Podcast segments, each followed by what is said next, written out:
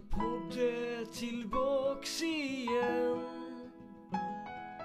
Linus på baslinjen. Ja, han är tillbaka igen. Linus på baslinjen.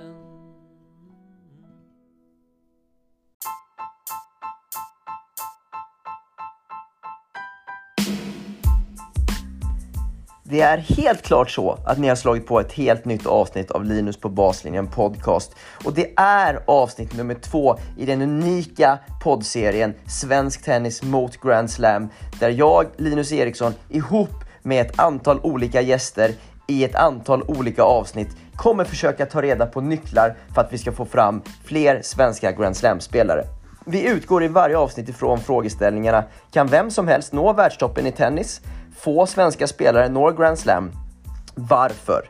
I det här avsnittet så sammanstrålar jag, Martin Stig, klubbchef för Påvelunds Tennis och Badmintonklubb samt Erik Ullsten, rådgivare och coach inom både näringsliv och idrott och som var spindeln i nätet i teamet runt Johanna Larsson under hennes tid som proffsspelare.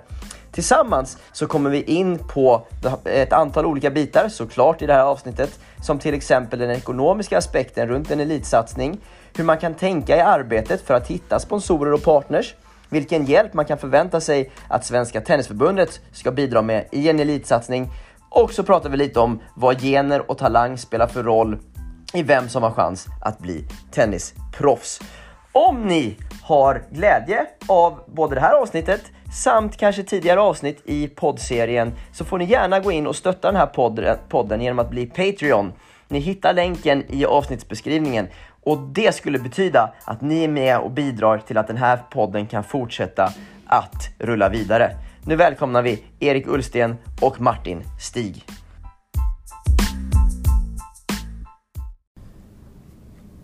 Då har jag eh, den stora glädjen att få sitta här med Martin Stig, klubbchef i Påvelunds Tennis och Badmintonklubb och Erik Ullsten, eh, rådgivare och coach inom näringsliv och idrott och var bland annat spindeln i nätet i, i Johanna Larssons team när hon eh, höll på att spela. Väl, välkommen till det här samtalet båda två.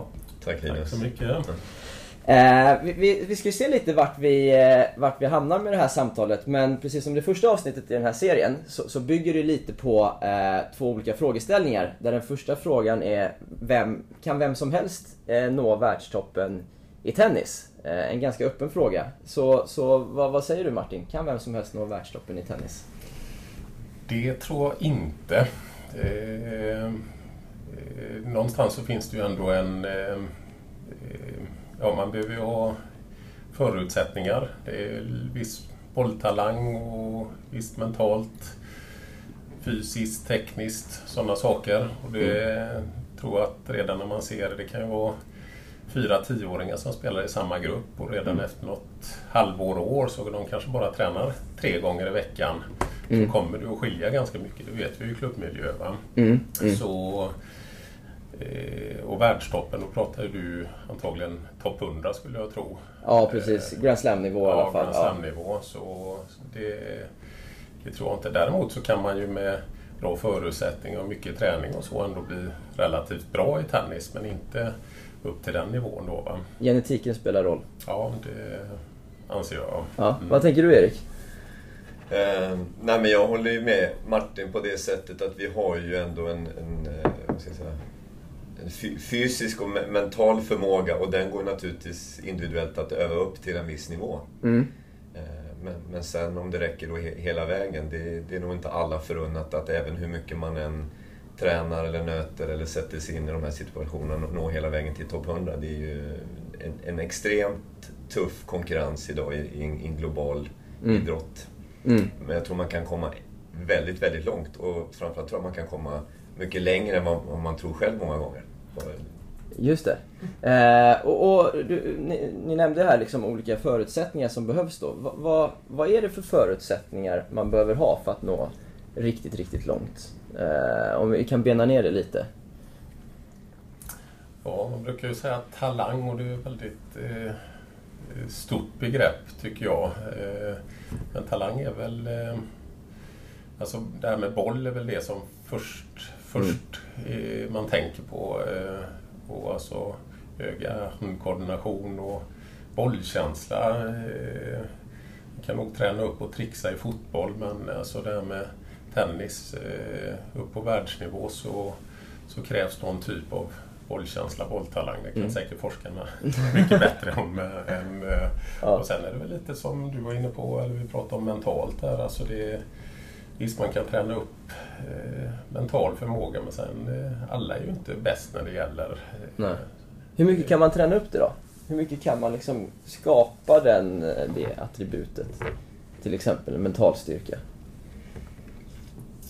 Ja, jag, jag tror att eh, till en viss del börjar man märka att alltså, stora fotbollsklubbar och så, de anställer eh, idrottspsykologer och mentala, mm. så det, det, är klart att eh, det finns ju en eh, eh möjlighet att öva upp och göra spelare, både tennis och nu nämnde jag fotboll eller hockey och sådär också, lite bättre i de rätta lägena. Så, mm.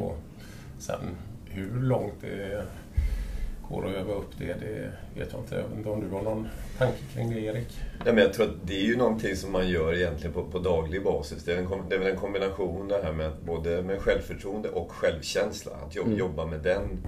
Mm. Eh, alltså tittar man oavsett om det är idrott eller företagande eller vad, eller vad den är så handlar det om liksom att, att, tro på sig själv och sitt, sitt, sitt spel och liksom på det mm. teamet mm. man har runt omkring sig eller vad det är. Så, så att det, det är ju en avgörande faktor. Mm. För att hänga på lite det, det Martin säger, för mig är det en, alltså den största ingrediensen är ändå viljan. Mm. Att, att, hur mycket vill du det här? Mm. Och sen gäller det ju att ta de här olika stegen. Alltså det är ju många steg på vägen för att kunna ha tennisen som sitt yrke. Det är ja. ju extremt få förunnat att kunna göra det då. Men att verkligen ja. liksom jobba med att kontinuerligt utveckla sig själv som människa och mm. som spelare. För det tror jag är väldigt viktigt att det går hand i hand. Och utvecklar jag mig som människa och spelare, då tror jag också får förhoppningsvis den mentala biten med mig. Mm. Jag upplever många gånger kanske man lägger väldigt mycket fokus på att upp, alltså utveckla tennisen. Mm. Men, men får vi inte med människan i det här, då, då tror jag det är lätt att man, man missar. Så vilja och energinivå, det, det, är liksom, det är två ingredienser. Just det. Som jag tycker är jätteviktigt. Ja. I, i en klubbmiljö då Martin, som, som du är verksam i, eh, har, har, man tid att utveckla människan i liksom, det dagliga eftermiddagsschemat? Eh, det kunde nog, hade det funnits mer tid för tränare och annat så hade det nog kunnat göra. Nu blir det nog lite mer att vissa tränare eh, pratar ju mer eh, med framförallt tävlingsspelarna som spelar mycket då. Mm. De träffas ju på träning och så, då kan det vara lite före och efter. Men annars är nog annars mycket som Erik säger, jag håller med om det, att fokus ligger mycket på tennisen. Mm. Eh, alltså det som sker på banan. Sen kan det vara lite snack innan, efter, kanske till och med under träning. Va? Eller så kan det vara att vi har jobbat med lite föreläsningar inom mm. ja, mental coaching. Eh, så, eh, både för föräldrar som får vara med på det men också spelare då. Ja. Mm. Eh, men ja, det är en avvägning. Givetvis så skulle man ju vilja lagt mer tid på det. Men, Hur gör man det då Erik? Liksom så här, när du säger att man behöver, ska jobba med att utveckla människan. Vad, vad innebär det egentligen då? Nej, men det, återigen, det är ju extremt individuellt så det ställs ju väldigt stora krav egentligen på, på dagens tränare och ledare idag. Så ja. För mig, ledarskap är ju relation. Mm. Att vara, liksom, vara huvudtränare eller så, det är, liksom, det är en position. Men du måste ju bygga relationer med den här eller de här spelarna och förstå liksom vad, vad som är viktigt för dem. Att de ska må bra och känna sig trygga. Mm. Mm. För har de en, en grundtrygghet och en, en tillit Mm. Eh, då kan du ju sen pusha på, på på ett bra sätt. Jag tror mycket av det här med, med rädsla, rä, rädsla att förlora eller när det blir tajta situationer i matcher. Det är kanske det många gånger som begränsar oss. För tittar vi även på statistik i yppersta världseliten så vet vi ju att eh, Alltså vi kommer förlora många poäng och vi kommer förhoppningsvis vinna några, fler då. Men alltså det är mm. extremt mental idrott, eh, tennis. Att, ja, ja. Men på frågan vad, vad, man gör, alltså det gör man egentligen varje dag i det dagliga på banan. Små saker, alltså förstärk det positiva. Se till att, att man har liksom en, en dialog, att, att spelarna också får ge varandra återkoppling. Att spelaren själv får liksom reflektera. Hur ska jag själv nu kanske ändra på någonting eller justera någonting eller vad är det Ja. som har funkat bra. Så mycket in på det berömda pluskontot men att liksom sätta spelaren i, i, liksom, i reflektion och, och Ja. gärna kanske att, att den här spelaren också ska lära ut till andra för det är egentligen då vi, vi lär oss när vi ska lära ut till någon annan. Så att Just det. jag tror my- mycket den biten att bygga en egen mental styrka. Ibland kan jag uppleva på touren när, när man, man kommer ut på hög nivå Mm. att spelaren måste titta mot sin coach efter varenda poäng för att skapa trygghet. Mm. Då blir jag lite orolig, alltså, för då, då, är man ju, då är man kanske inte alltid så mentalt stark heller. Att, Just det. Jag är med. Jag är med. Eh, du, du, du sa här Erik också att eh, spelarens egen vilja är, är viktig. Eh, från vilken ålder behöver den finnas där? Och jag tänker, om man pratar lite så här om tidig selektering och vilka har chansen att nå riktigt långt, som egentligen frågan grundar sig på. Kan vem som helst nå världstoppen? Hur tidigt behöver man kunna se den för att det ska finnas en chans för spelaren att nå hela vägen fram?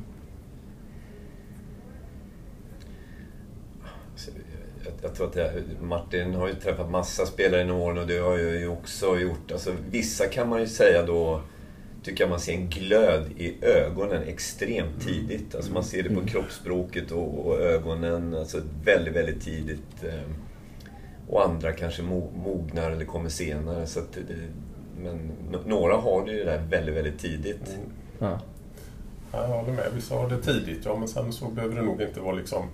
De inte har den där superglöden och egna drivet. När de är tio år så är det kört, det tror jag inte. Utan det kan ju komma lite längre fram. Men eh, ja, det är klart, du måste ju ha ett eget driv när du börjar komma upp 13, 14 i alla fall. Det, Ja. det tror jag.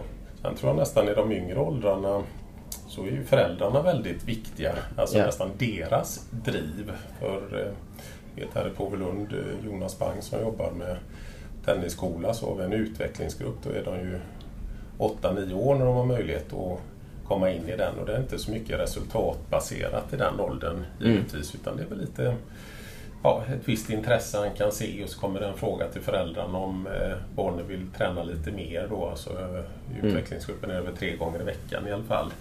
Och då eh, har ju ett, egentligen, jag tror det är individuella samtal till och med med eh, föräldrar och ja, nog mest föräldrar då egentligen. Tror knappt spelarna är med för de är åtta år då, de är inte så gamla då. Va? Men Ja. lite förklara att om barnen ska spela tre gånger i veckan så måste det ju tävlas och måste ut på den här IFSO-touren, den lilla klubbtouren som den heter i Göteborg och sen de här sanktionerade tävlingarna. Så det blir ju ett val som föräldern får göra om vill lägga den tiden. Mm. Och vissa säger nej men det, vi har två andra barn, vi hinner inte med liksom, Mm. utan då får ni köra runt på tävlingar. Och klubbmiljö i alla fall så går det ju inte att Mm. tränaren ska se till att 8, 9, 10-åringar ska spela alla tävlingar då. Va?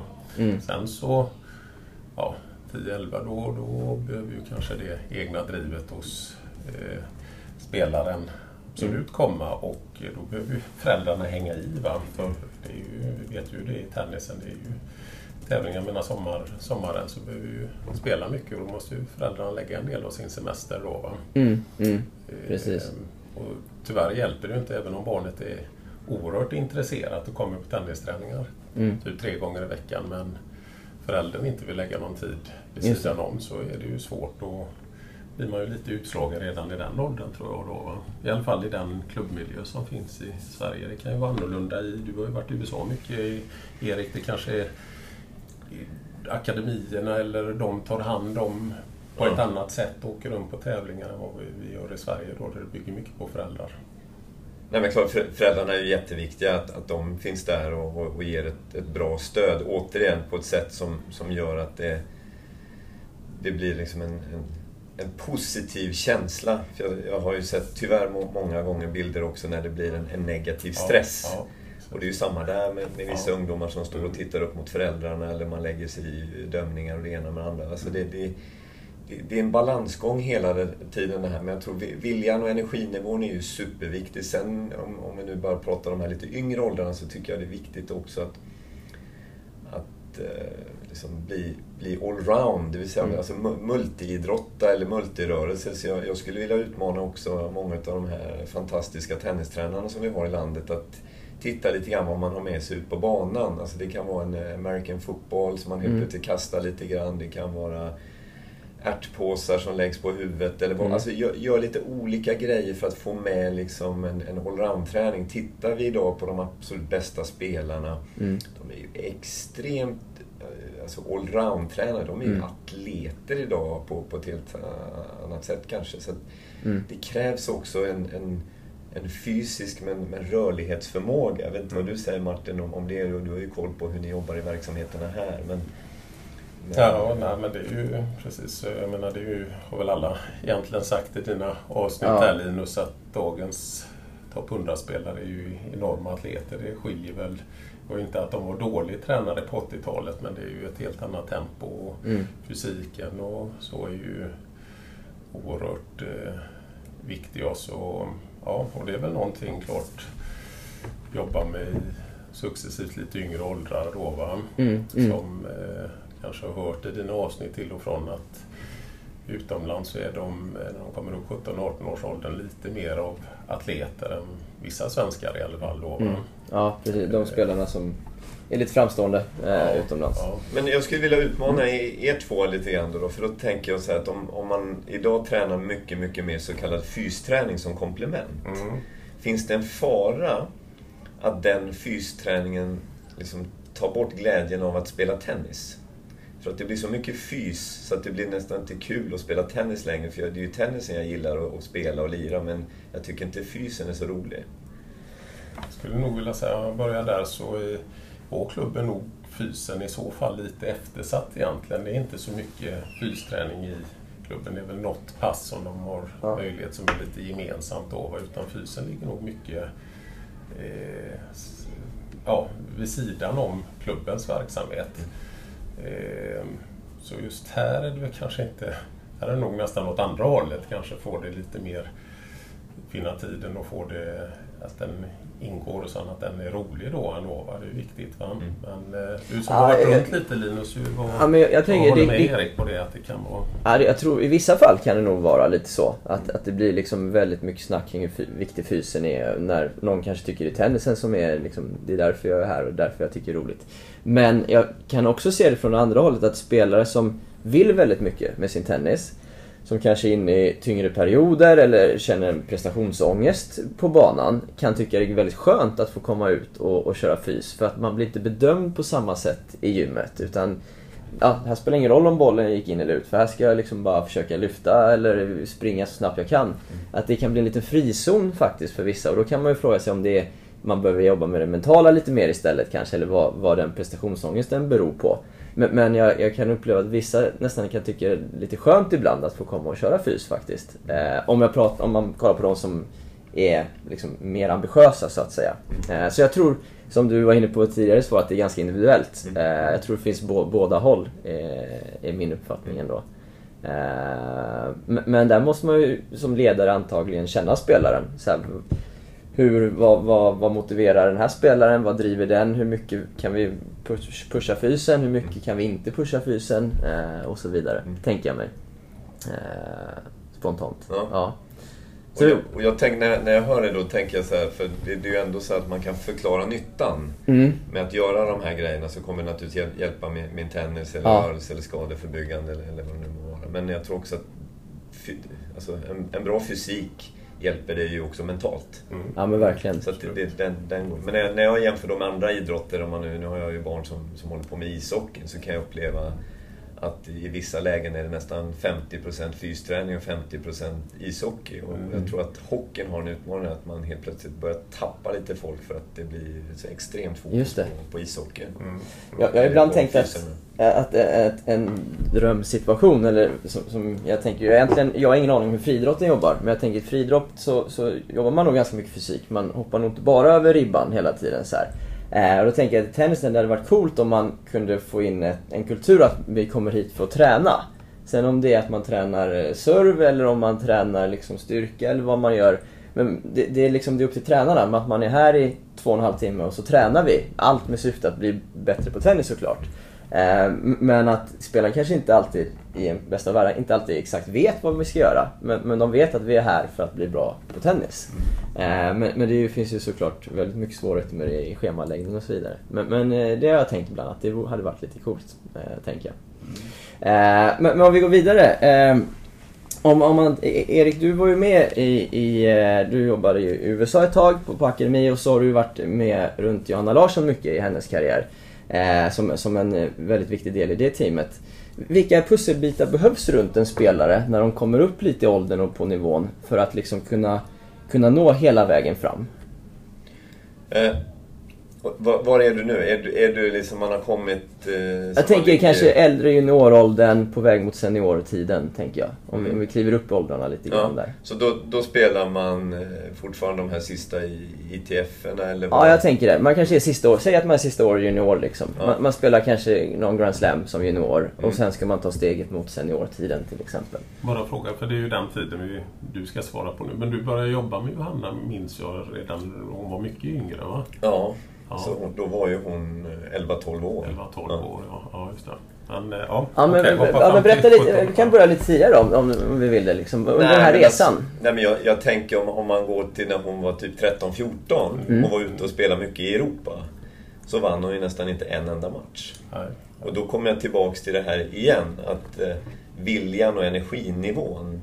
Så att hon, alltså hon mobiliserade ju mycket en egen energi och vilja, men jag ska kunna komma ut där och vinna matcher. Mm. Så att eh, om jag ska säga, för min egen del så tror jag att som tränare, man kanske har några få procents påverkan. Men hon hade ju tagit sig fram ändå. Tror du verkligen det?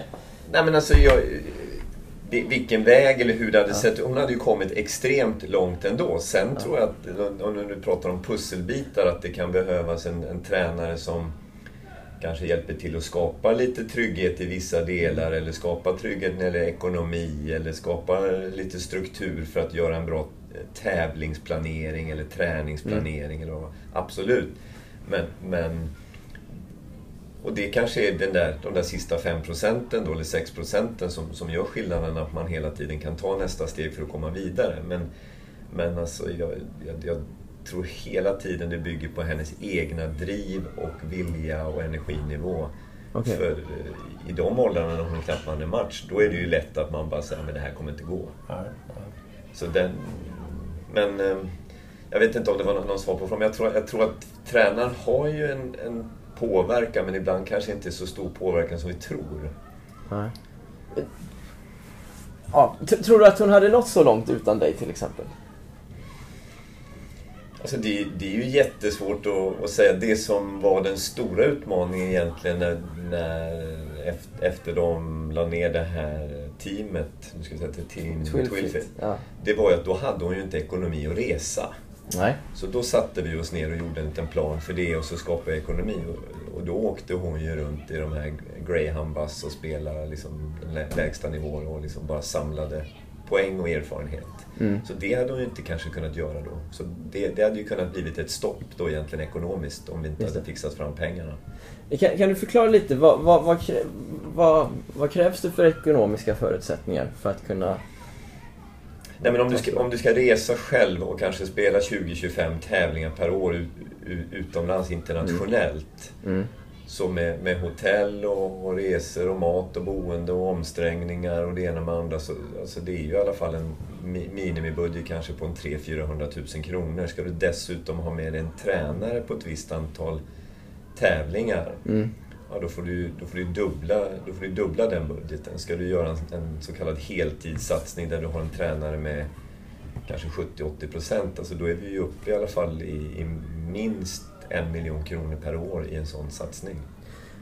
Och, och det är ju inte alla som har de pengarna på fickan så här. Så, så liksom hur, hur, hur hjälpte du henne med att hitta partners för det här? Eh, nej men jag gick ju in själv från början. För jag, jag, trodde så, jag trodde så stenhårt på henne när hon kom hem. Hon, hon satt på mitt lilla kontor uppe i Kungälv då. När hon sa antingen får vi liksom Antingen får jag lägga ner eller också så får vi köra. Och då så sa jag, hur mycket, hur mycket pengar har du att satsa? Och då tror jag hon sa att hon hade 30 000 kronor. Liksom. Det, och då satsar du, du vill satsa din del Ja. så ska jag fixa fram de andra pengarna. Ja. Och sen så körde vi, men då var det ju så att säga en, en lågbudgetvariant. Mm.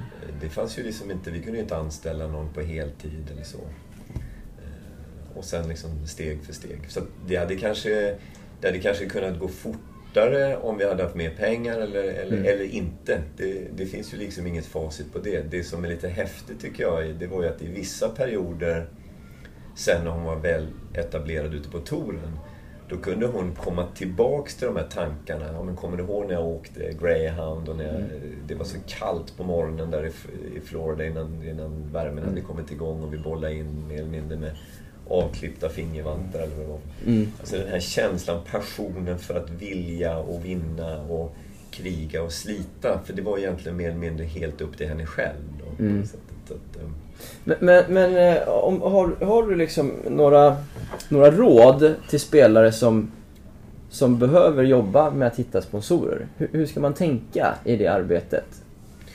Alltså det, det bästa och enklaste är ju i den klubben som du är Mm. så finns det ju säkert eh, män eller kvinnor som är företagare eller som, som älskar tennis. Spela några timmar tennis med dem och berätta vad du tänker göra och sen eh, fråga om de skulle vilja vara med och stötta lite ekonomiskt. Mm. Och jag tror i många klubbar kanske fem företagare eller tio företagare kan satsa en, en slant vardera och sen så blir.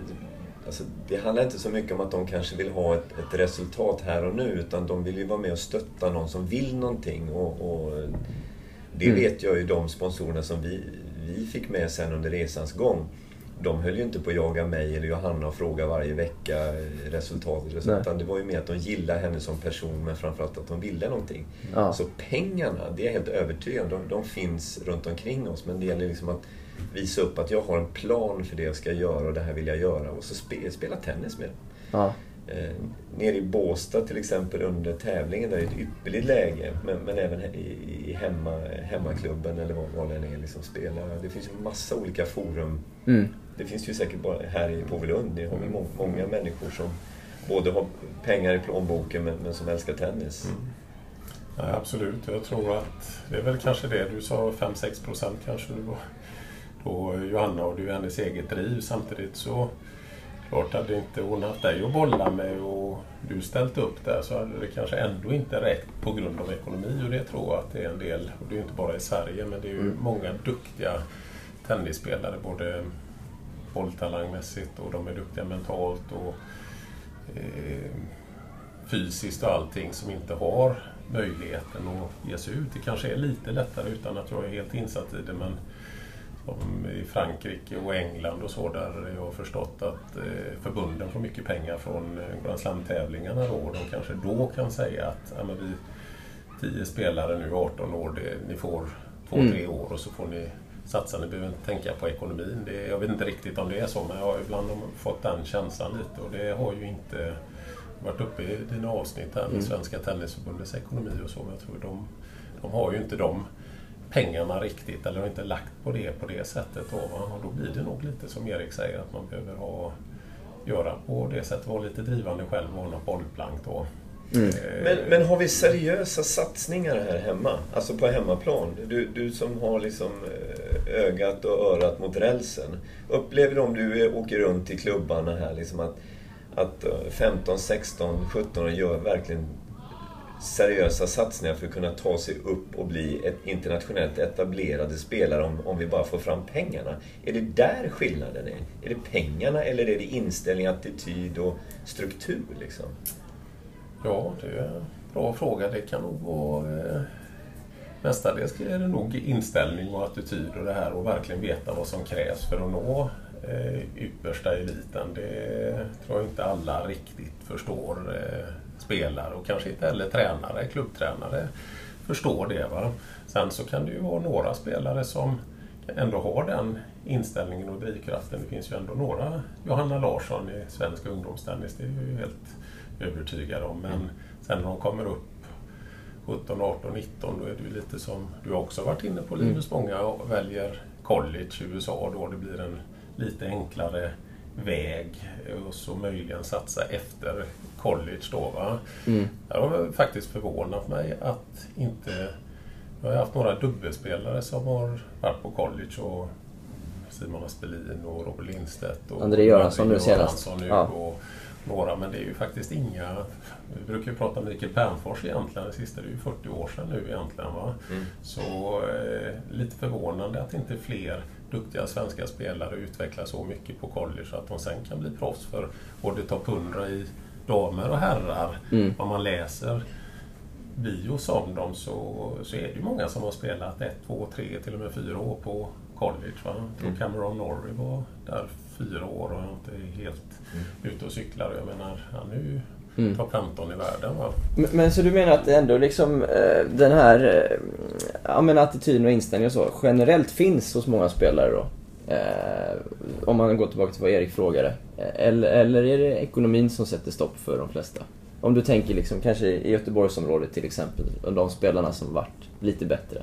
Nej, men det börjar väl med kanske att inställningen, attityden är bra men inte tillräckligt bra för att vara på nästa nivå egentligen. Så det är ju grunden. Sen så om du har av tio spelare som är eh, Mm.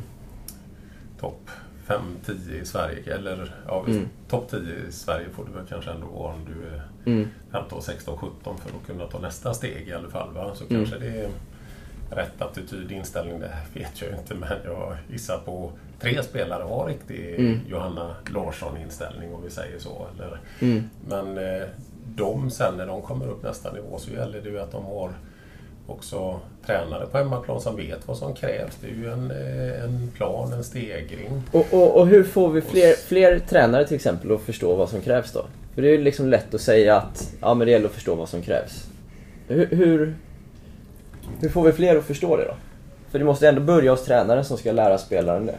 Nej, men alltså, jag, jag, jag tycker det är så viktigt att vi gör varandra bättre. För jag upplever många gånger att vi, vi har bara en massa ursäkter. Så, ja, men vi, vi har inte pengarna, eller vi har inte resurserna, eller vi har inte banorna, eller vi har inte det internationella motståndet. Mm. Alltså, det är ju bara att köra. Det spelar, det spelar ju ingen roll liksom, om det är två banor som ligger ute i bushen eller ja, men vi har inte det perfekta gym. Det finns ju massa grejer. Det är bara att träna, köra, matcha, göra varandra bättre, utmana. Det är bara att kavla upp och, och, och köra. Liksom. Sen ur tränarperspektivet så tror jag att för många klubbtränare, och nu får ni, ni får ni rätta mig då, men många klubbtränare är ju ganska låsta. Man kanske vill väldigt mycket men man är så begränsad för man måste stå sina timmar för man ska ha beläggningen. Mm. Så, så där tror jag en begränsning. Sen måste ju tränarna vilja själva ta reda på och vara nyfikna på vad som krävs då. Mm. Det finns ju massa möjligheter idag. Man kanske inte bara behöver åka och, och besöka liksom, och, och titta på träning. Idag kan man ju liksom digitalt ta reda på väldigt mycket och erfarenhetsutbyta och ta bort lite grann den här prestigen som är mellan tränare också. Fråga varandra, hjälp varandra, lyft varandra. Jag upplever när, när Jonas B Svensson var hemma, eh, kommer du ihåg Martin? När han, när han jag var på. Jäklar vilket drag det var här i, i Göteborg då. För då helt plötsligt så, han engagerar alla och men det var, han, var, han var totalt prestigelös. Och sen när någon av de här lite bättre Karel eller någon blev lite kaxig, ja, då gick han in och så polerade han av dem i ett sätt liksom, så, var, så var det ingen mer snack, snack sen. Ja, det är härligt. Nej, men jag, jag tror vi ska sluta hålla på med massa ursäkter hela tiden. Utan nu, alltså det, det, det är hårt jobb, eh, vi har alla möjligheter och sen är det bara att köra, köra. Men jag tror vi väljer en alldeles för låg ambitionsnivå när det gäller inställning och attityd. Sen är ju- alltså, merparten kommer ju inte nå hela vägen, men, men alltså vi, de som verkligen vill och säger det, då tror jag förutsättningarna finns. Jag, vilka spelare är det idag som inte kommer fram för att vi inte har pengar? Berätta för mig. Nej, det som kan bli svårt är ju att få till det här teamet runt spelaren. Eh, där blir det en ekonomisk fråga. Att säga, men, men spelare har, vi säger att den har drivet och, och ambitionsnivån och så vidare. Till slut så behövs det ju ett, en ekonomi, både för att kunna resa själv men för att kunna ha en tränare med sig x antal veckor till exempel. Då blir det en, en delvis en ekonomisk fråga för att få till setupen sen, tänker jag. Eh, Men det är klart, det är ju på en, en viss nivå. Det, det är det ju i så fall. Men, men om du skulle vara tortränare nu, eller du skulle Ja. vara tränare för spelare som ska ta det här steget ut på touren, Mm. så är det väl ett 24-7 jobb för dig? Ja, det blir det ju. Eller hur? Ja. För det upplever jag ju att det är för de tränarna som är ute på tour. Alltså det är Ja. en livsstil. Yes. Plus och minus med vad det innebär att vara iväg 40 veckor från familj. Eller så. Alltså Mm. det, det är ju det är ju ett enormt krävande svårt jobb. Mm. Men då gäller det ju också att de som jobbar här hemma i förbund och så vidare med de här frågorna, att de också har det som en livsstil. Man kan ju inte sitta som en administratör på förbundet och jobba med tränar och spelarutveckling och komma till jobbet nio och åka hem halv fyra. Utan jag måste ju vara ute och driva och drifta de här grejerna. Det är ju, det är människor som, som själva också måste ha en, en livsstil i detta som, som jobbar med den utvecklingen. Det, det tror jag är enormt viktigt för annars blir ju också ambitionsnivån lägre. Det kan jag, från USA, jag vet inte vad din erfarenhet är, men väldigt många av de som jobbar på förbundet, de är ju ute jämt och besökt och besökt och besökt. Man fattar ju inte liksom, hur orkar de resa så mycket? Ja, ja. Men? Nej, och sen, eh, jag menar nu är inne tränare i klubbmiljö, du sa ju det, många är ju fast med timmar på banan och sen så du frågar om här nu Linus, det är ju egentligen det här steget 17 och 18. Det är ju inte alla tränare som ens har det i sin arbetsbeskrivning. Alla ska ju inte jobba med det. Nej. Utan det kanske finns du jobbar med lite yngre, då gäller det att hitta rätt verktyg, vad de behöver lära sig i den åldern. Då. Ja. Och sen när du kommer upp till det, det är nog eh, ganska få klubbar skulle jag tro som, som har egentligen tränare med den typen av arbetsbeskrivning. Eh, och Okej. Då blir det kanske lite privata race eller möjligen via akademier eller lite som Eriksson med Johanna där att eh, spelade med lite, ni löste ekonomin där, den här miljonen med tränare. Alltså, kanske inte klubben, kan ju tipsa om personen men sen så är det ju Ja. eh, spelaren själv som behöver... Jag är övertygad, precis som Erik säger, det är nog inte alls omöjligt att få ihop pengar. Just som du säger med eh, Erik, med eh, folk som vill gå in och stötta. Va? Men det gäller ju att göra det och just nu ligger det nog mycket på egna spelaren eller möjligen dess föräldrar eller någon tränare som kan tipsa eller om någon har tur och träffar en Erik. eh, Men eh, möjligen någon svenska kan ge lite tips men jag tror inte de jobbar med det här på det sättet. Det har, inte, det har varit lite team då, du sa, genom årens lopp då, men då är det mer ett, ett team egentligen. va? Ja, men ti- titta lite, eh, utan att kunna detaljerna, men lite grann som Good to Great jobbar med, Ja. med Members Club och så vidare. Och det är klart, det är en, det är en stadig ekonomi för Good to Great, men en del av de pengarna spiller naturligtvis över på, på spelare som, som får möjlighet att ta med tränare och resa och så. Men förbundet skulle ju på något sätt kunna jobba med det själva också, om man, om man nu vill bygga lite mer team. Och börjar de här människorna dessutom göra business med varandra, då räknar de ju hem de pengarna eh, ganska snabbt. Men det krävs ju att någon håller i den taktpinnen och, driver det. Men jag är lite mer nyfiken på vilka spelare är, idag är det som inte kan ta det här klivet på grund av att man inte har ekonomin att resa. Men, men eh, det har ju ni koll på. Jag, jag tror att det finns ju i, i klubbarna lokalt också många som skulle vilja vara med och hjälpa till men de vet inte riktigt hur eller hur det funkar. Just det, just det. Erik, kan- man, kan man bara liksom säga kort att eh, de stora, liksom, stora, stora nycklarna i, för att Johanna lyckades ta klivet var liksom en, dels en egen drivkraft, en egen inre drivkraft, men också att hon hittade en engagerad person som hjälpte henne på vägen. Ja, men det tror jag är viktigt och när vi har pratat efteråt, alltså det, var, det, det är någon som tror på henne. Alltså Mm. det, är- det är ganska ensamt där ute, även om du är topp i Sverige idag. Så, alltså det, du är där ute själv och du ska göra saker. Och även när du har en dag då du inte har så mycket energi så ska du sköta din träning. Alltså, så att det är nog nyckeln att hitta någon som kan bygga det här, som du säger, lite teamet runt omkring. Mm. Sen hade vi ju jättetur att få med Mattias och, flera andra bra Mm. människor eh, runt, runt omkring. Så att, eh, Mm. ja. Jag är med. Eh, Eh, Bara ja. innan vi lämnar den frågan. Jag tror några år innan Eines, eh, Andreas Vinciguera och Sofia Arvidsson, det var ju lite liknande. Lars Welander Mm. gjorde ju Exakt. något åt det hållet och det tror jag var väldigt värdefullt för Vinciguera och Arvidsson när de kom upp. Just att någon kunde hitta en lösning på ekonomin och sen så någon som trodde på dem. Va? Sen, Ja. eh, ja, så det, det går ju att göra och det har ju gjorts men det har ju inte gjorts egentligen du och Johanna gjorde. Jag tror inte heller Lars Welander och Vinciguera Arvidsson. Det var ju inte via klubb, klubben eller via Svenska Tennisförbundet. Och det var ju på den tiden var det ju inga akademier heller. Nu har ju Good to Great till exempel. Så jag tror de har lite det tänket då. Va? Och kanske Mm. några klubbar också. Jag vet inte hur det är, Fair Play och KLTK. Och Nej, jag vet inte exakt. Nej, så, Eh, men, eh, jag är med. Eh, nu, nu har vi touchat liksom både eh, spelarens egen vilja och, och lite ekonomin då. Men, men om man ska eh, tänka ännu bredare Martin. Vad tror du är de stora, de, de stora anledningarna till att så få svenska spelare når Grand Slam-nivå idag?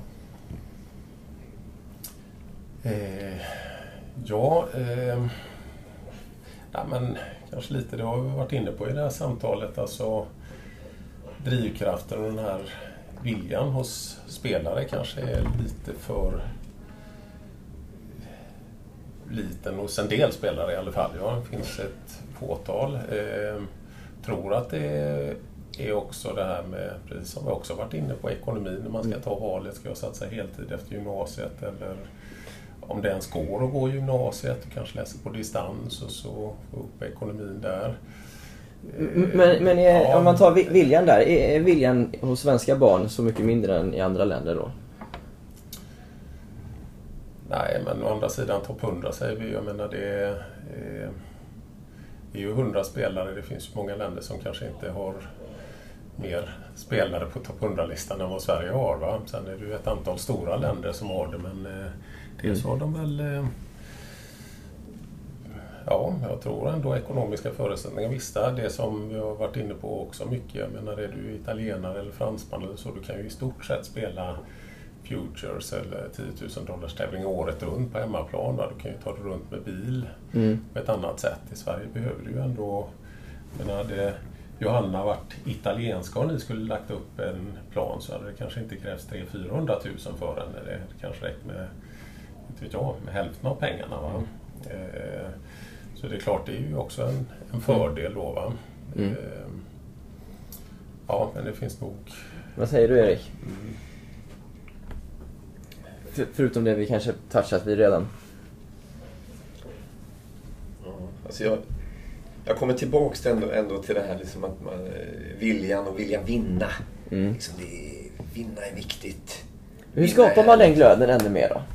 Om det nu är det absolut viktigaste och vi inte har det i Sverige. Hur skapar vi det? Eller är det kört?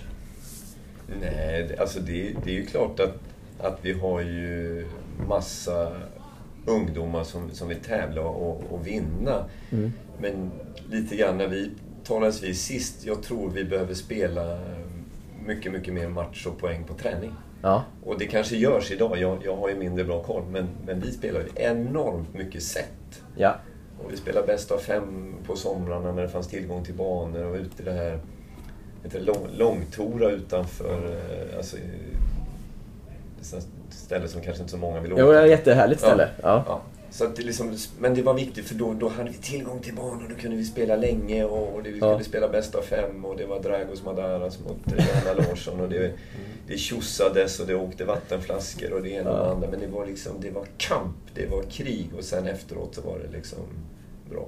Men behöver man eh, selektera ut de här ungdomarna då tidigare? Som har de här glödande ögonen? Och ge Jag dem ännu bättre förutsättningar? Ja, för jag tror att det finns en del Ja. sådana spelare i svensk tennis nu också som ändå gillar att spela match. Alltså Mm. Det är ju inte det att alla juniorer inte gillar att spela poäng. Va? Nej, nej. Det finns ju definitivt spelare som, eh, som finns. Men det är väl det du är ute efter, hur man Ja. hittar dem då. Ja. Ja. Mm. Hur gör ni på Bylund?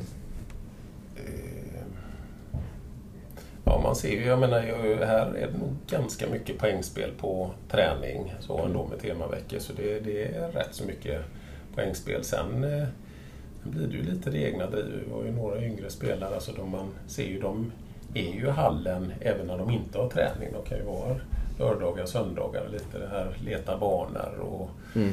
och i badminton och spela minitennis och sådana saker. Så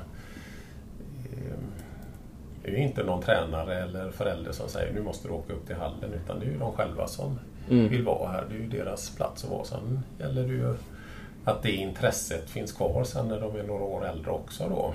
Eh, ja, så Just det, just det. det var något svar. Men jag tänker när, om vi reflekterar lite grann också, om vi backar lite det här Mm. med eh, Team Klein eller Team eh, Beckers och Team Siab. Alltså det var ju ett antal team genom åren på något sätt. Om det var Jon- Jonte och Klein och, och alltså, som, som drev de här. Mm. Alltså, jag har ingen aning om, om det ska hittas bak. Vi gjorde, vi gjorde väl ett försök när Fidde fick någon uh, Ja, det har ju funnits team sen dess också. Team Catella till Ja. exempel. Eh, nu vet jag inte exakt vad det hette. Det fanns ju, ja men Team Twillfit var ju med. Cat, eh, Good to Great har ju skapat på sätt och vis lite olika team eller hubbar inom sin verksamhet. Eh, team Back to Guard eh, och, och ja, Team EU och så vidare. Och Gusten gör väl lite grejer här lokalt också? Va? Ja, För de här små lirare. Så, det- Klein Players. eh, Ja, du Christian Bergström involverad. Jag vet inte nu hur mycket. Tanken var nog att de skulle ut och resa en del också. Annars är det ju mer träning Mm. en, två gånger i veckan. Som, eh, ja, lite som eh, Tim Klein hade en gång i tiden. Eh, Christian Bergström, Magnus Gustafsson, Jonas B Svensson. Det var ju, de tränade väl lite i sin klubb tror jag, men de tränade nog mest eh, med Tim då, va? sidan om. Och det är väl lite ungefär det upplägget som de här killarna i som Gusten har nu också med Klein Player som det heter då. Eh, viss träning i klubbens verksamhet och viss träning ihop då, oavsett klubbtillhörighet egentligen. Men vad tror du om det då? Alltså med all din erfarenhet, att det skulle, skulle bli, det vara ett sätt att, att... För det handlar ju hela tiden om att jobba vidare mot nästa nivå. Mm. Ja, men jag tror det är, det är jättebra. Det är ju dessutom Gusten är ju duktig på. Han har ju så pratar ju med klubbarna så det är ju ingen konkurrent på något sätt då. Va? Eh, inte Men- som jag upplever det i alla fall. Men eh, sen är det ju med tävlingarna där får vi väl se komma ut och resa. Nu har det ju varit covid så det har, har varit inte så mycket resande. Precis, för ibland, ibland upplever jag att man, vi pratar mycket om träningsuppläggen. Liksom. Vi måste ha en bra träningssetup. Vem, vem tränar vi med? Hur får vi tillräckligt mycket träning? Men det pratas inte lika mycket om tävlingssetupen tycker jag. Så här, att det är en sak att lösa det här hemma. Så här, det är liksom någon tränare måste gå ner och köra några timmar med, med spelaren eller man får sätta upp träningsmatch. Men, men just där, du, du blir ju proffs när du är ute och tävlar. Hur, hur ser setupen ut då? Så här, hur, hur löser klubbar och akademier det då? Eh, då blir det, I min värld så är det ganska ofta bara, men det får du åka ut själv och köra. Och det är ju trots allt 25-30 veckor du måste vara ute. Det, det, ibland tänker jag att vi, vi fokuserar väldigt mycket på ena sidan men vi glömmer där det verkligen ska ske. Mm. Håller du med? med dig, Men, men åkte inte de med, med Stiff och andra med någon buss ner och tävla? Och de, hade de inte det på somrarna att de åkte med något te- team ner och körde? Eller jag för bara Pratar du nu... Svenska Tennisförbundet, åkte de inte med någon, något, något gäng ner och spelade i Europa? Så, här, så att man, man höll ihop Den här folkabussen har Ja. återkommit i vissa... Jag vet inte om det var kanske Klein som gjorde det med, med Gustens gäng.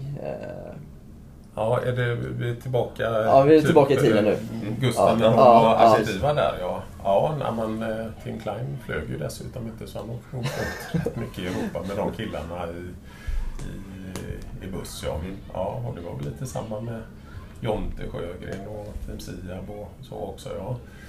Eh, det är väl lite som jag har ju du bättre koll på Linus, men jag menar KLTK och Fairplay, de har väl anställt någon, båda någon resetränare. det blir ju inte så många veckor. KLTK har ju avsatt resurser till det. Men, men Ja. Fair Play det är bara några få veckor per år med Ja. tränare. Spelarna får coach här. Eh, men, men jag tror det är liksom en puck som man behöver hitta lite bättre lösningar på ibland. Det kanske är upp till, till eh, klubbar att avsätta resurser för det. Jag vet inte, skulle ni klara det här i Påvelund? Ja, Det är ändå en av de största klubbarna i Sveriges näst största stad. ja, och där hade ju, har ju Måns Dahlberg där och han har haft väldigt otur med både handled och sjukdom där. Han var ju en sån som absolut var inne på att satsa heltid. Han läste ju gymnasiet på distans då.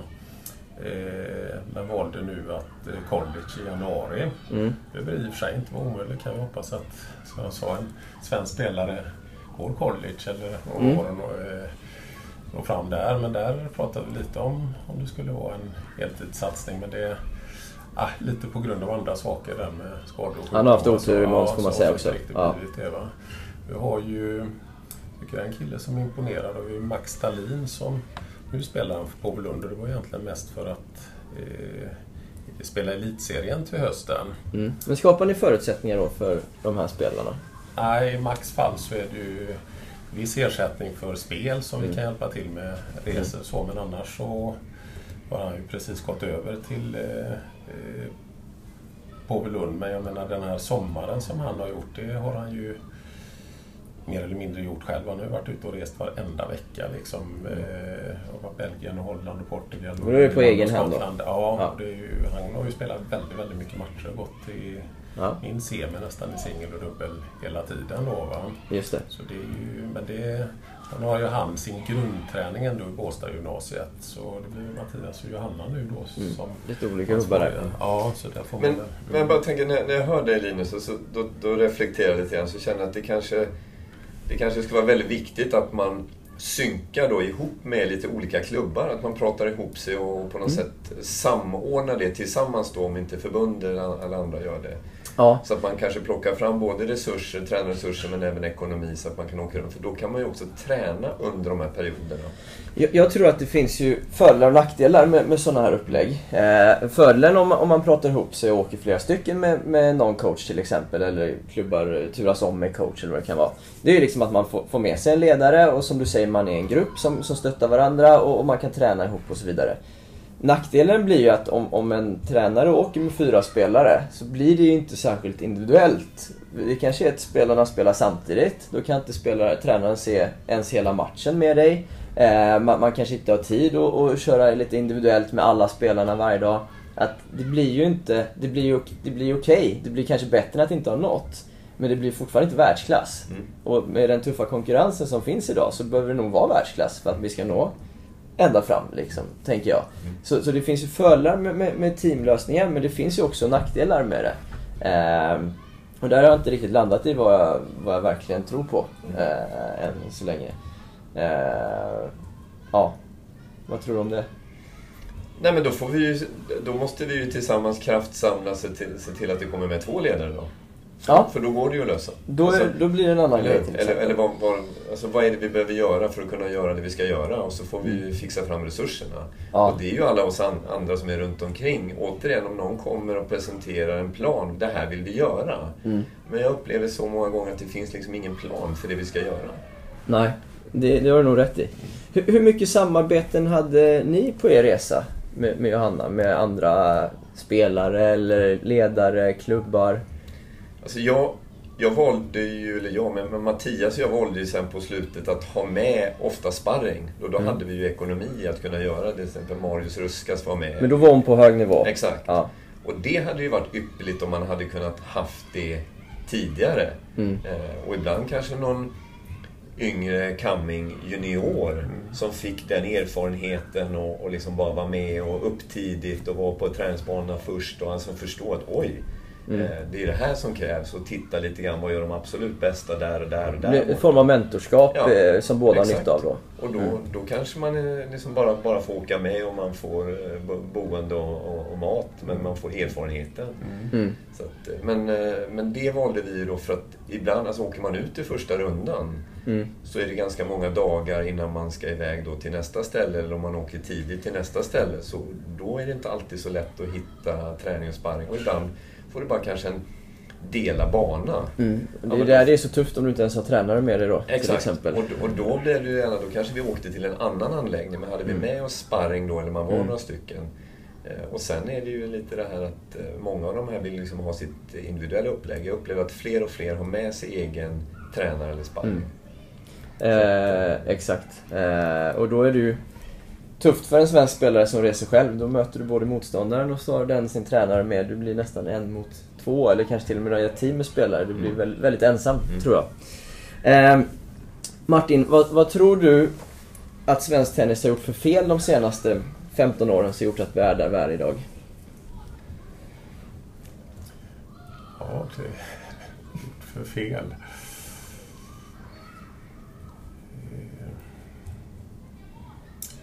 Det är tyst här, ja. För det... Ja, vi har ju pratat om resurser där, men det, jag vet inte, där kanske man kunde jobba på lite annorlunda sätt. Eh, Då menar jag både allt från förbund och regioner och klubbar. Lite som Erik är inne på, alltså där hitta de här... finns ju folk som spelar tennis som har resurser som Mm. kanske hade velat vara med om de får en fråga eller får en eh, personlig connection med de spelarna som, är, som Mm. ska ut och satsa. Va? Jobba mer mot partners då, tänker du? Ja, partners och liksom... Ja.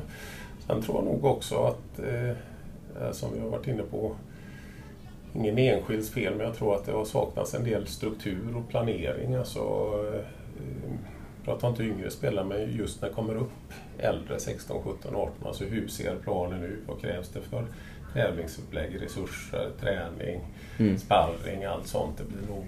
Eh, ibland kan man uppleva att det är ingen riktigt som tar hand om spelet. Det blir lite upp till spelaren själv och så. Det är inte så lätt när man är 16-17 och har man en förälder som kanske inte själv har spelat tennis. Ja. Utan då, ja, så, sen finns det ju säkert många andra fel svensk tennis har gjort. Men ja, bara för att ta några Ja. exempel. Där. Men där tänker jag lite Erik, som du sa i början så här, att ja, men, det är bara att köra, så här, sluta hitta ursäkter. Eh, men, men vad har till exempel Svenska Tennisförbundet för ansvar i en spelares satsning och utveckling mot eh, liksom en elitkarriär?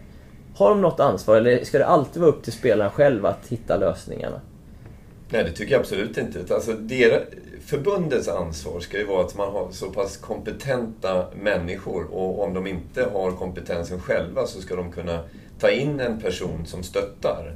Så att kommer det någon som säger, ja men nu, nu har vi en 16-17-åring här och vi ska, vi ska göra det här, eller vederbörande vill göra det här och det här. Mm. Då ska man ju få den hjälpen med, ja men tänk så här gällande en, en tävlingsplanering eller, eller Mm. vad det nu är för någonting man, man ska titta på. För målbilden tycker jag, det är ju att hela tiden, vad är det som kommer hjälpa den här personen att ta honom eller henne till nästa nivå? Ja.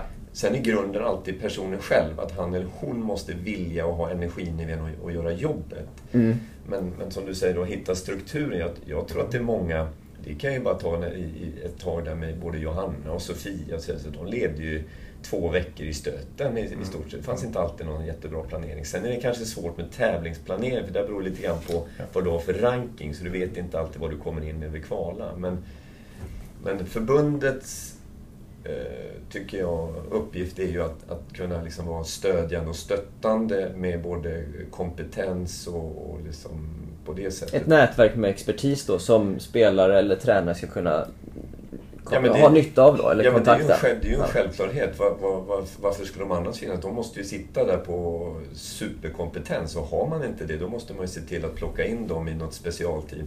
Och det Ja. gäller väl även då om, om nu ekonomi är en så stor del i det här. Då är det väl bara att tillsätta en grupp med näringslivsfolk eller alla andra som, som fixar Mm. fram de här pengarna. Vad, vad, vad väntar man på? Liksom? Vad, är- vad är det som tar sån tid? Det är väl bara att trycka på knappen. Nej. Eh, För det finns ju massa, titta på Streber eller andra, plocka några därifrån då eller liksom samarbeta med Streber eller gör, gör någonting liksom Ja. och säg vad är det för pengar vi ska ha fram? Ja, vi ska ha fram 8 miljoner, 12 miljoner, 20 miljoner och så får man väl göra en plan för att dra in de pengarna. Just det. Eh, precis. Är det så lätt då? Det är klart det.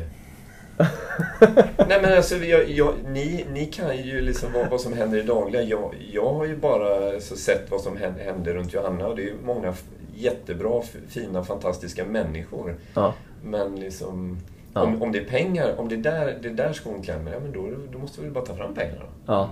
Men, men, men, så, jag, så är jag är inte så säker på att det bara handlar... Alltså, det, för mig handlar det mycket om en inställning och en, och en attityd. Och det börjar naturligtvis med oss som är, är runt omkring de här spelarna också. Mm, mm. Eh, Så det, det får inte... Alltså vi har ju jättemånga fina förebilder, så många fina tennisspelare på både herrsidan och damsidan. Dra nytta utav dem. Jag tänker på Arnesen går ut nu liksom och utmanar och säger att den här fantastiskt kompetenta killen, Magnus Norman, ska liksom driva Mm. ett svenskt tennis AB. Liksom. Det är han som, som är, liksom, är Mm. räddningen på svensk tennis. Och det hoppas jag inte vi ska lägga på underbara Magnus axlar. Han gör ju det egentligen idag indirekt genom Good to Great. Så jag förstår faktiskt inte riktigt Arnesens eh, tänk där, även om jag Nej. tycker han har mycket andra häftiga tankar och synpunkter. Utan jag tror att vi, vi måste alla börja med oss själva där vi är här och nu. Men, Ja. men det. lägga det på hans axlar, det, det, det tror jag inte vi ska göra. För det, det är, han är ju en av de som verkligen driver det i, Ja. i, i den regin idag då, med de spelare som kommer dit och så vidare. Så att, ehm, Ja, jag är helt med. Men- Men, men det här med att ha liksom, expertis kopplat till till exempel förbundet tycker jag är jätteviktigt om man vill vara ett förbund i framkant. Eh, ha, finns den kompetensen och expertisen idag, Martin, enligt din uppfattning? Jag har inte full koll men jag eh, menar det har ju varit Lars-Anders Wahlgren har varit involverad i förbundet. Jag menar det är klart att han har ju den kollen sen om han har fått just den frågan. Alltså här har vi en duktig 15, 16, 17-åring. Kan eh, du ta tid och hjälpa med Mm. planering och struktur och så. Det, Men jag tänker, det är, även, det är väldigt många olika områden. Jag, jag vet inte hur du tänkte där men, men just det, det är ju liksom fysiskt, det är liksom eh, mentalt, det är liksom eh, finansiellt. Alltså det finns ju väldigt många områden som det kan behövas eh, ja, men experter inom, tänker jag. Mm. Eh, och inte bara tennistränare heller. mm. Eh, att det behöver vara ett ganska brett spann. Eh, liksom, finns, har man ett sånt nätverk idag? Vet, vet du det? Eller? Då vet jag inte riktigt men för, några år sedan så fanns det väl eh, sån här eh, vet, medicinska, Fredrik Mm. Johansson var involverad Mm. med fysen och Mm. sen hur det fungerade rent praktiskt vet jag inte om de kunde hjälpa till med. Det var väl kanske mer uppbyggt på en, en grund ut mot regioner och klubbar, mer en bredd då. Mm. Men Mm. jag antar att hade det kommit upp en Johanna 16, 17, 18 år och hade behövt hjälp av svenska så hade det nog gått att Mm. Men hur ser det ut idag då? platt. Tänker du att det är samma idag då eller? Nej, där får du nog nästan fråga Christer Sjö eller Niklas Ja. Fjällstad mer hur, hur eh, själva strukturen ser ut Ja. på alltså nätverk runt omkring. Jag vet, jag vet. Eh, De har ju anställda personer har de men det är ju lite som Erik säger. De, eh, det går ju att använda sig av eh, alltså hyra in eller kompetens eller Mm. bara Mm. rådfråga. Va? Men hur Japp. det svenskas nätverk ser ut idag, det nej, får du nog fråga Men, men då är det inte tillräckligt öppet i alla fall. Alltså det borde man kanske folk veta om i så fall. Annars är det svårt att ta hjälp av experterna. Ni har ändå haft eh, Måns här till exempel och klubbchef i Påvelund. Ja, Det är ju konstigt om man inte... Alltså det, den informationen borde gå ut då, tänker jag i så Ja, fall. i Måns fall har det nog varit eh, mycket mer med Good to Great då. Ja, okej. Att eh, de har Jag är med. eh, på sätt och vis haft hand om Måns med vad gäller expertis och olika... Så då har en privat aktör tagit det Ja, ansvaret just kan man det. säga då. Sen om eh, Good to Great i sin tur har haft samarbete med Svenska Tennisförbundet, det är inte jag eh, Jag gällande. Måns då. Va? Jag med. Men jag, men jag skulle vilja utmana dig då lite grann Mm. Linus, för att tänka så att om, som, om du som har tränat då en, en, en tourspelare och, och, och så känner man att du behöver ha någon rådfråga. Men du skulle ju kunna vända dig till Mattias eller någon av killarna skulle ju kunna vända sig till Robin Söderling eller någon. Alltså, Ja. jag, jag är med, jag tänker mer när du säger kompetensen det här från 12 till 14, från 14 till 16, från 16 till 18. Alltså de, Ja. de, alla de här stegen, då vi, liksom, vi måste få fram en större bredd av, så att säga, Ja men precis. Jag, jag är helt med. Och, och där kan jag då liksom säga som genom den här podden som jag, jag har gjort så här. Så har jag liksom med jämna mellanrum fått sms eller mail från folk som sagt ja men det här avsnittet var väldigt intressant. Har du en kontakt till uppgift till honom? Vi skulle vilja liksom ha hjälp av honom. Eller den här gästen var jättekul att höra. Jag skulle gärna vilja liksom fråga honom mer grejer. Så, här. så då har man... Många har liksom kontaktat mig då för att skapa, skapa kontakter till experter som uppenbarligen finns där ute men som inte har vetats om kanske. Eh, till exempel. Och då tänker jag ibland att ja, men, tio av de här personerna borde ju liksom funnits i ett nätverk redan. Som kanske är kopplade till förbundet. Och är du på en viss nivå eller tränar en viss spelare som är på en nivå eller vad det kan vara. Ja, då har du rätt. Då har du möjlighet att och liksom genom förbundet ta kontakt med de här som är kopplade till tennisen i Sverige. Att man, man skapar den hubben eller det, ja, men det nätverket. Eh, istället för att det blir att, ja nu råkade jag göra ett poddavsnitt med den här personen och så får du dra ett mail till mig och fråga. Eh, jag tänker det borde gå till på ett lite mer professionellt sätt kanske. Eh, är, är min tanke lite. Eh, inom olika områden då. Eh, för det finns ju uppenbarligen eh, kompetens tycker jag ändå ja, vi har visat eh, med, med personer som, som brinner för svensk tennis och som varit involverade tidigare i alla fall. Kanske inte är på samma sätt nu men, men som ändå liksom har ett intresse för det. Och det borde man kunna ta, dra nytta av på ett lite tydligare sätt tror jag. Eh, och som folk då vet om om man kanske är uttagen på någon form av landslagsbasis eller vad det nu kan vara. Jag, Tänker jag, jag tänker så här när, när jag hör det. Så det jag inte förstår i dagens digitala värld. Mm. Det är att det inte finns exempelvis på Svenska Tennisförbundets hemsida ett antal grundläggande utbildningar. Det kan vara en, en föräldrautbildning eller vad, vad det Mm. var, ett antal olika steg inom ett antal olika områden. Idag upplever jag, och nu får ni, ni säga emot mig då, men att många föräldrar, förutom sin klubbverksamhet, så köper man in privattränare, alltså för stora pengar, rätt eller fel. Mm. Men det, det finns ju faktiskt så att man kanske själv som förälder skulle kunna lära sig att mata lite bollar eller liksom göra... Alltså för att, för Involvera föräldrarna mer, Ja, tänker ja, du? Mm. men det, det kan ju vara ett sätt då i de tidigare åldrarna för att en- ändå om man nu vill träna lite, lite mer eller göra det på ett annat sätt. Eller säger. Så Mm. Jag tror att man kan utbilda och utveckla även digitalt idag där, där sådana som kanske bor på orter där det inte finns ett Påvelund eller, eller, eller så. Jag, jag, jag var iväg här med en, en av mina barn för några år sedan. På, eh, han var iväg på, på en hockeycamp in the middle of nowhere. Eh, Och helt plötsligt fanns det ett tennisplank där och så hörde jag på morgonen när jag vaknade en, li- en liten tjej som stod och slog mot det här planket. Och eftersom jag går igång på tennis då så gick jag ut och, och liksom kollade när hon spelade. Men hon hade ju jättelångt till Ja. närmsta tennis, tennisklubb då, om det var, Mm. jag vet inte hur långt det var till Falun. här. Men alltså, di- digitala utbildningar på nätet, det är också tror jag en, en grej liksom för att eh, Mm. utbilda och utveckla. Men det kanske kommer, eller finns. Eller? Eh, ja, de... eh, kanske inte så jättemycket, tror jag inte. Eh, det har väl varit några mötesplatser, Ja. eh, typ. tog nog under covid tog nog det här med digitala utbildningar fart egentligen då. Va? Mm. Det blev ju tvunget att göra det. Det har jag märkt inte bara tennis utan Mm. även badminton eftersom jag har badminton i klubben. Att Mm. Tidigare skulle man alltid samlas i Stockholm någon helg. Mm. Nu går det ju att genomföra en hel del saker. Både alltså, interaktiva utbildningar men också så jag tror du tänker lite mer inspelade Ja, saker. Ja. precis. ja, Så att det precis. finns Ja. tillgängligt 24-7 när, när, när Ja. det passar. Ja, precis. Precis. Och Eh, det är nog något att utveckla.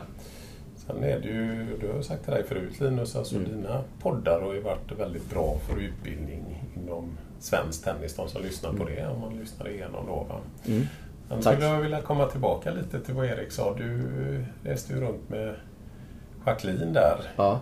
under lång tid. Kände du att ni var ensamma eller fick hjälp av Svenska Tennisförbundet, region eller klubbar eller fick göra mycket själv? För hon Nej. är ju ändå en spelare som har varit på damsidan topp 5 de sista åren och aktuell för landslag och så. Precis. Och egentligen den typen av spelare som vi pratar om här Mm. nu. Eh, ja, men jag upplevde nog att vi fick göra ganska mycket, eller väldigt mycket själva. Eh, det som var hjälp med, det var ju några dagars läger inför för ett kapp till exempel kanske. E- eller några dagars läger i slutet av året där Mattias samlade tjejerna någon gång sådär. Eh, och, det är ju jättekul såklart, men, jag tror liksom inte, det är inte ett fyra dagars läger i mellandagarna som gör skillnaden. Det är inte det, är inte det som kommer liksom ge lyftet. Det- är en, en boost och en kul grej mera. Eh, och sen i och med att Jacqueline kom upp i åren så, så det fanns ju ett väl ganska litet ekonomiskt stöd innan som, som man blev av med så småningom då. Eh, men, men- men just det här med liksom experter och, och den biten, det, det blev ju det blev ju vi som fick skapa det runt oss då. Eh, och och det, det kanske vi hade gjort ändå, för man kanske vill ha sina egna personer kopplade till sig när man är Ja men när man ändå är privat eller när det är jag och hon till exempel. Jag coachar henne och hon och vi har inget stort team. Eh, men men där, vi fick ju bygga det väldigt mycket själva. Så var det och, och var ju också beroende av att någon klubb eh, såklart ställde upp och kunde ge, ja, i mitt fall, mig lite jobb liksom och så vidare när jag är hemma också. Eh, men så, nej det var ju mycket på egen hand, helt klart. Och sen kan man då diskutera, okej hur bra behöver man vara i en viss ålder för att få ha rätt till stöd? Räcker det att vara 500 eller behöver du vara ännu bättre eller måste du vara yngre och så vidare? Men, för jag tycker kanske inte att bara för att du är 900 i världen på VTA så är jag inte säker på att du ska kunna kräva hur mycket stöd som helst. För alla kanske inte liksom lägger ner det som ett heltidsjobb när man är på den nivån. Vissa gör det kanske, men inte alla. Så, så där, där, det kan man diskutera tycker jag, vart, vart, vem som ska ha rätt till det. Men eh, som i Jacquelines fall, när hon kanske ändå spelar för ett kapp, då kanske det ändå skulle finnas en vinning för svensk tennis att hjälpa till li, lite mer, tänker jag. Eh, om man vill ha ett för ett kapplag. Eh, om vi utgår från det. Eh, men det, det var ganska mycket själva, får jag ändå säga. Eh, ja. Eh, och om vi... Ja, eller vill du lägga till något mer? Nej, inte mer än att då hade ju ändå Jacqueline dig. Du kan ju vara spelare i Jacquelines fall som inte ens har en Linus då. Va? Och då Precis. blir man ju ganska, jag kan tänka mig att då blir man ganska ensamlämnare. Kanske ändå är topp tre i Sverige som 17-18 år Ja. och så finns det inte något större stöd. Jag, jag tror att det blir enkelt att när man är på den nivån välja college då. Då Mm. du behöver inte tänka så mycket tennis, det är mycket träning där. Är du på en bra, ett bra college så är det ju Ja. hög kvalitet på träning och spel och det här matchmomentet. Det är ju intern konkurrens i collegelag också, även om de är ett lag ihop. Va? Och så utbildningen på det och du kan kombinera. Så, ja, och som det har varit nu de sista, sen Mikael Pernfors då i stort sett så eh, har, har det ju inte kommit några svenskar. Du låter lite skeptisk till college. Nej, men eh, jag är ju egentligen inte skeptisk med tanke på att det är 10-15 topp 100 på både här och damsidan som har varit Mm. på college. Mm. Eh, och likväl som de spelarna, nu nämnde jag Cameron Norrie här, likaväl Mm. som han hade antagligen i England bättre förutsättningar att satsa heltid än en svensk 18-19-åring. Mm. Han valde ändå college och är Mm. nu topp 15 i världen. Det skulle ju vara förvåna mig lite att inte en svensk 18-19-åring åker till college och blir som Cameron Norrie. Jag förstår. Eh, för det var ju Pernfors senast va? Mm. Eh, men jag är ju inte skeptisk till college för det Nej, college får ju fram bra spelare men de har ju inte fått fram några bra Svenska svenskar. Sen vad det beror på det, det Ja, jag eh, vet jag inte jag. Nej, jag är med.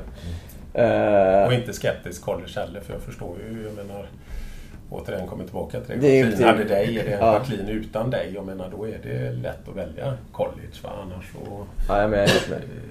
Men där skulle det vara lite mer strukturplan. De är inte så många svenskar som är topp 3-4 i, i Sverige när de är 17 och Ja. 3-4 som Ja. 18. eh, En lite Men det är väldigt intressant det du säger, för jag tänker för, för Rebecka, du, Mm. duktiga Ja. Rebecka med, med pappa Mart, som Ja. naturligtvis har varit Mm. en, en väldigt viktig person eh, och en, en bra trygghet och nu är han ju väldigt tenniskompetent dessutom och så vidare. Eh, Så har säkert han varit en väldigt viktig person för att hon ska liksom kunna fortsätta ha den här eh, uthålligheten. Och det ser jag ju även nu med, med Björkman för Miriam då också, att, Mm. att fortsätta och hålla den här gritten och liksom gnugga Ja. på. Så kommer ju utveckling steg för steg. Ja. Medan en, en, när jag var involverad lite där då med, och även Mattias med Dragos Madaras. Mm. Där hade det ju verkligen behövts någon som fanns där och strukturera upp det. Alltså te tennis kan ju den killen spela helt fenomenalt men, Mm. men det spretar ju åt alla håll och kanter och blir väldigt mycket drama. Men, så att jag Ja, tror så att är den, den där personen, eller likt som du är... Umeåbröderna var på GTG med Ja. Hedsberg och Norman lite grann. Det, det behövs ju någon som verkligen engagerar sig. eh, Som du var inne på, liksom, som tror på en och, och hjälper en. Ja, Det är otroligt svårt själv, eh, tror jag verkligen. Eh, och, och sen om det är ett, liksom ett ideellt engagemang eller om det är genom nå- någonting. Men, men det måste finnas någon där som hjälper dig. Det är jag väldigt övertygad om ändå. Mm. Ja. Och, eh, här, vi pratade om Måns Dahlberg förut. Han hade ju, tycker jag, det, det stödet från Good to Great under Just den det. tiden när han spelade Mm. ITF och Mm.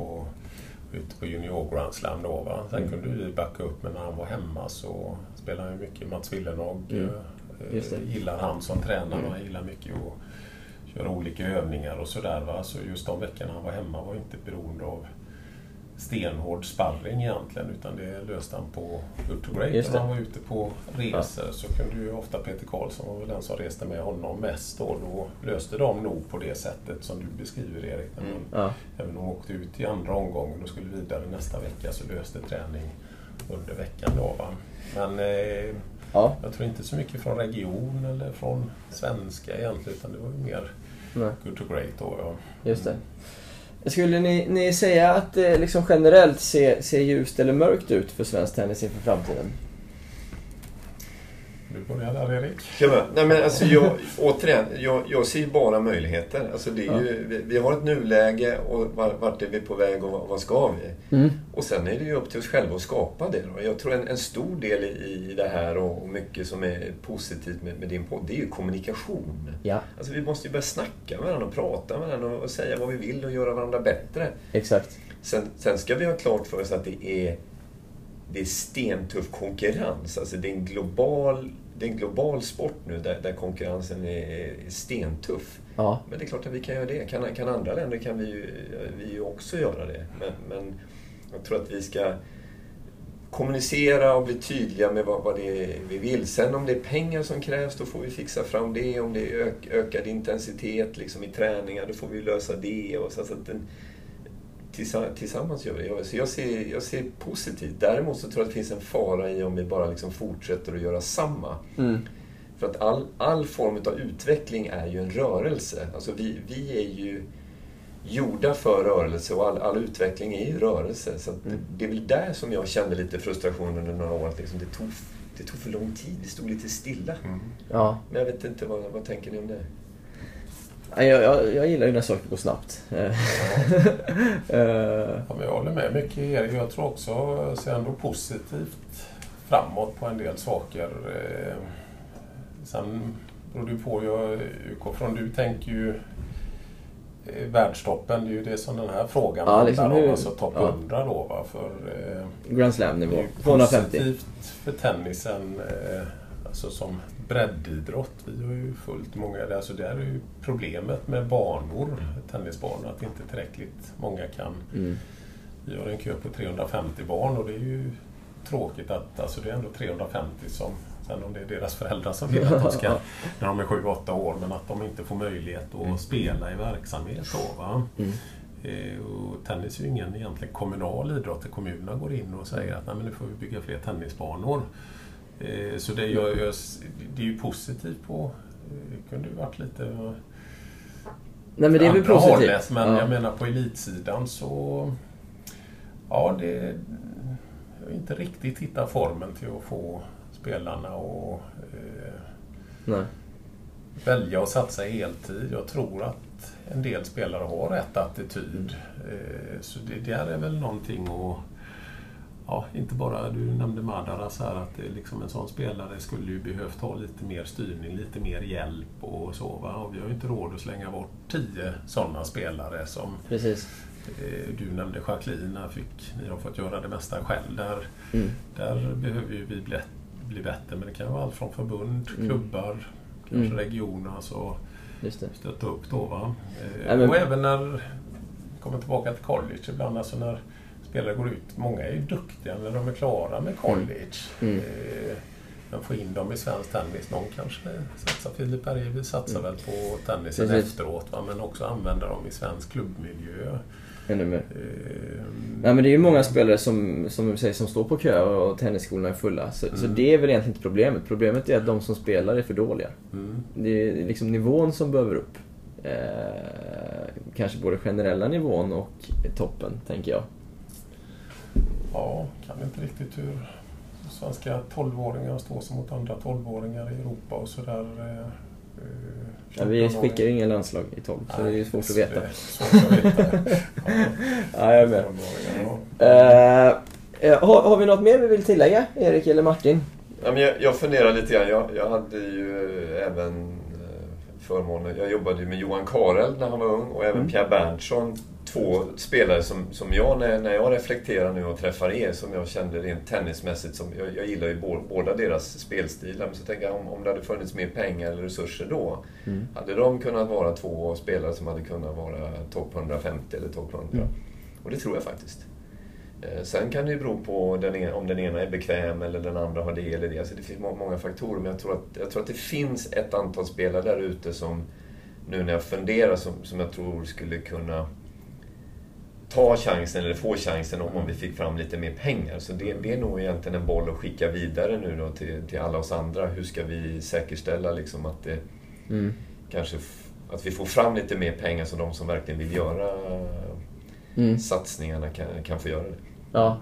Och det är bland annat genom förbundet, tänker du då? Att det behöver finnas Ja, eller att vi skulle sätta oss ner några olika parter, om det, om det Mm. är förbund och några andra, liksom att vi kom, kommer samman. Men, men skicka gärna bollen till, till förbundet. Jag kan inte ve- vem eller vilka som är ansvariga. Ta, ta tag i det mötet, samla in lite folk och så gör, gör man en plan då för att Mm. Sen kanske man får sö- söka de här pengarna eller någonting. Jag har ingen aning. Det kanske går att göra idag. Jag, jag vet inte exakt hur det funkar. Ja, jag är med. Eh, ja, snyggt. Har du något mer du vill tillägga Martin, eller ska vi nöja oss?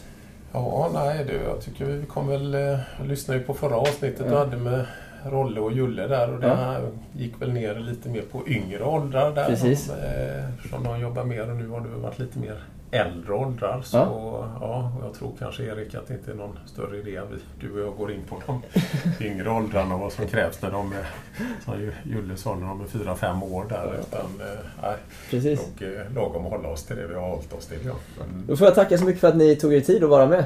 Tack tack så mycket Linus. Ja.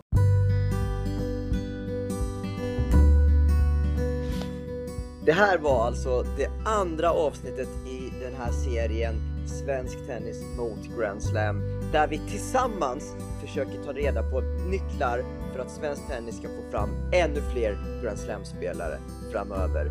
Det är så kul att eh, ni lyssnare har engagerat er. Jag har upplevt att det var väldigt positiv feedback från det första avsnittet med Julius Denburg och Rolle Rakell. Och idag så lyssnade vi alltså på Erik Ullsten och Martin Stig. Precis som jag hoppades så tog det här samtalet lite en annan riktning än eh, det gjorde med Rolle och med Julle. Idag pratade vi lite mer om de ekonomiska förutsättningarna. Vi pratade lite om eh, att bygga team runt spelaren. Vi kom in lite på vilken roll kanske Svenska Tennisförbundet borde ha i elitsatsningarna. Eh, vi pratade såklart lite om det egna inre drivet som vi även kom in på med eh, Rolle och med Julius Denburg där vi, kom in, där vi också pratade om de yngre åldrarna ännu mer. Och vem vet vilken riktning nästa samtal tar med två helt nya gäster som kommer läggas ut inom kort i den här serien där vi tar ett litet ytterligare kliv mot att förändra och kanske förbättra svensk tennis tillsammans. Nu kör vi snart i ett nytt avsnitt uppe i er podcastspelare. Så passa på att prenumerera så ni inte missar det. Tack så mycket för idag. Det här avsnittet gjordes som brukligt tillsammans med min huvudpartner House of Bontin, destinationen för smarta tennis och paddelträningsverktyg. I House of Bontins sortiment finns några av mina favoritträningsredskap, till exempel Sm- eh, Surmaster, Tolson eh, eh, Sweet Area Racket, vi har Grip Fixer, vi har RS Coachbag och vi har till exempel Tennis Pointer, det här träracket som är så perfekt att träna med för att hitta sweet spoten. In på houseofbontin.se eh, och använd rabattkoden LINUS för 15% på hela sortimentet förutom slingerbag och redan nedsatta priser. Tack House of Bontin!